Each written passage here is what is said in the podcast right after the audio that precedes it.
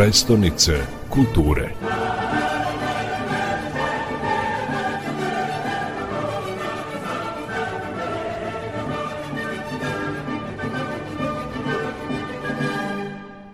Usmerili ste pažnju na velike infrastrukturne projekte, formiranje muzejskog kompleksa, parterno uređenje, obnovu ustanova kulture, osnivanje muzeja, košarke, dokle se stiglo sa tim velikim projektima? Jedno od najvećih izazova, pored programskih aktivnosti i obimne produkcije i tih iskoraka o kojima sam pričao, svakako su infrastrukturni radovi, zato što oni u velikoj meri zavise i od vaše pripreme, da li su rešeni imovinsko-pravni odnosi, da li postoje sve odrađene dozvole, da li postoje saglasnosti Zavoda za zaštitu spomenika, s obzirom da se uvek nešto radi u gradskim jezgrima, ali ono sa čim e, ne možete, recimo, da percipirate, ne možete možete da kalkulišete jeste i situacija koju smo mi imali u Čačku kada smo na planiranoj lokaciji razmišljali o formi lapidarijuma, amfiteatra, depoa za naše ustanove kulture, a naravno preduslovi za to po zakonu o kulturi su ovaj, arheološka istraživanja koja su sa jedne strane onomogućila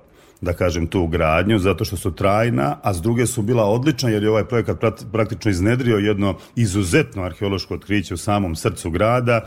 Radi se o jednom ogromnom kompleksu koji je nazvan grad ispod grada. Tako da te neke stvari, da kažem, e, mogu da budu realizovane. U najvećoj meri smo to i izveli. Uradili smo rekonstrukciju ulice koja je praktično poveznica da leve i desne. Samo da slušalcima mm. reči o utvrđenju iz e, rimskog perioda. Jeste, iz rimskog uh mhm. -huh. perioda, tako je, koja u svojoj formi, u svojim bedemima, u svojoj ovalnoj kuli je sugeriše jednostavno artefaktima da je reč o značajnom e, naselju koje je, vidjet ćemo kada vreme bude pokazalo kog obima bilo i da li je možda bilo veće i pre samog Čačka u svom formiranju. Pomenuh rekonstrukciju ulice Cara Dušana koja je zapravo i poveznica leve i desne strane muzejskog kompleksa. To je u naša ideja od samog starta da formiramo jedan muzejski kvart. Znači nešto što postoji u nekim drugim zemljama ali kod nas definitivno ne jer sticajem okolnosti oko crkve Vaznesenja Hristovo kod naš centru su lokacijski smeštene brojne ustanove kulture i umetnička galerija Nadežde Petrović i Narodni muzej i istorijski arhiv.